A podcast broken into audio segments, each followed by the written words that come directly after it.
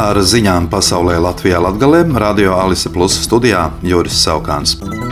NATO ģenerālsekretārs Jens Stoltenbergs preses konferencē pirms NATO aizsardzības ministru sanāksmes Briselē paziņoja, ka Ukraina ir uzsākusi vērienīgu pretuzbrukumu. Ukrainas aizsardzības ministra vietniece Hanna Maļāra savukārt jau otrdien paziņoja, ka aizsardzības spēki 12. jūnijā ir guvuši panākumus trīs virzienos - Berģānskas virzienā vietām līdz pat kilometram un kaujas turpinoties trīs frontēs. Ukrainas bruņoto spēku ģenerālštābs savukārt paziņoja, ka armija un citas aizsardzības spēku daļas daļas ir atbrīvojušas septiņas apdzīvotas vietas. Romas katoļu baznīcas pāvests Francisks, kurš atveseļojas pēc vēdera operācijas, tiks izrakstīts no slimnīcas tuvāko pāris dienu laikā, paziņojis Vatikāns. 86 gadus vecajam pāvestam Romā tika veikta vēdera operācija, kas ilga trīs stundas. Ārsti paziņojuši, ka Franciska atveseļošanās norit bez komplikācijām un prognozē drīzu izrakstīšanu.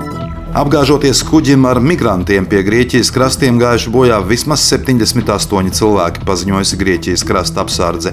Glābēji pieļauj, ka upuru skaits vēl varētu pieaugt. Meklēšanas un glābšanas operācijā iesaistīti krasta apsardzes patruļu kuģi, gaisa spēki, jūras spēku fregate un seši kravas kuģi. Līdz šim izglābti 104 cilvēki, no kuriem vairāki sacīja, ka kuģī iespējams atradās aptuveni 400 cilvēku. Vides aizsardzības un reģionālās attīstības ministrija izstrādājusi ministru kabineta rīkojumu projektu, ar kuru augšdaugavas novadām plāno piešķirt 524,233 eiro no valsts budžeta līdzekļiem neparedzētiem gadījumiem palu radīto postījumu novēršanai. Iepriekš izvērtējot augšdaugavas novada pašvaldības pieprasījumam pievienotos finansiālā pamatojuma dokumentus, tika konstatētas nepilnības, taču pēc varam pieprasījuma augšdaugavas novada pašvaldība iesniedza pret precizētu un papildus informāciju.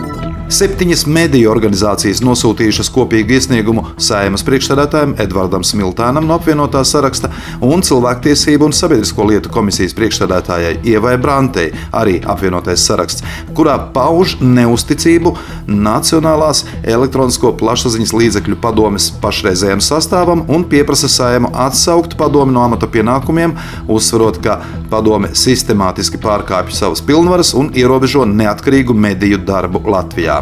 Vēstuli parakstījis Ilgtspējas fonds, Baltijas mediju izcilības centrs, Latvijas žurnālistu asociācija, arotbiedrība Latvijas žurnālistu savienība, Latvijas reklāmas asociācija, biedrība par legālu saturu, kā arī Latvijas reģionālo mediju asociācija. Atbildot uz šo mediju organizāciju iesniegumu, Nepulp preses pārstāvjiem norādīja, ka padomes ieskatā mediju organizāciju pārmetumi nav pamatoti un ir absurdi. Daugopils teātris aicina jauniešus, kurus vilina skatuve un aktieru māksla, pieteikties mācībām Staņislava Broka Daugopils mūzikas vidusskolas izglītības programmā Teātra māksla, kurā divu gadu laikā tiks sagatavots jauns Daugopils teātra aktieru kurss. 2021. gadā Staņislava Broka Daugopils mūzikas vidusskolā sadarbībā ar Daugopils teātri tika uzsākta jauna izglītības programma Teātra māksla ar mērķi sagatavot profesionālus aktierus, kuri pēc specialitātes iegūšanas varētu pievienoties Daugopils teātra aktieru trupai. Šovasar pirms diviem gadiem uzņemtajam aktieru kursam jau gaidāms izlaidums, un tagad ir uzsākta uzņemšana jaunam kursam, kuri aktiera arodu apgūšanu uzsāks šā gada 1. septembrī. Izglītības programmas Teātris māksla ilgums ir divi gadi, piešķiramā specialitāte - aktieris.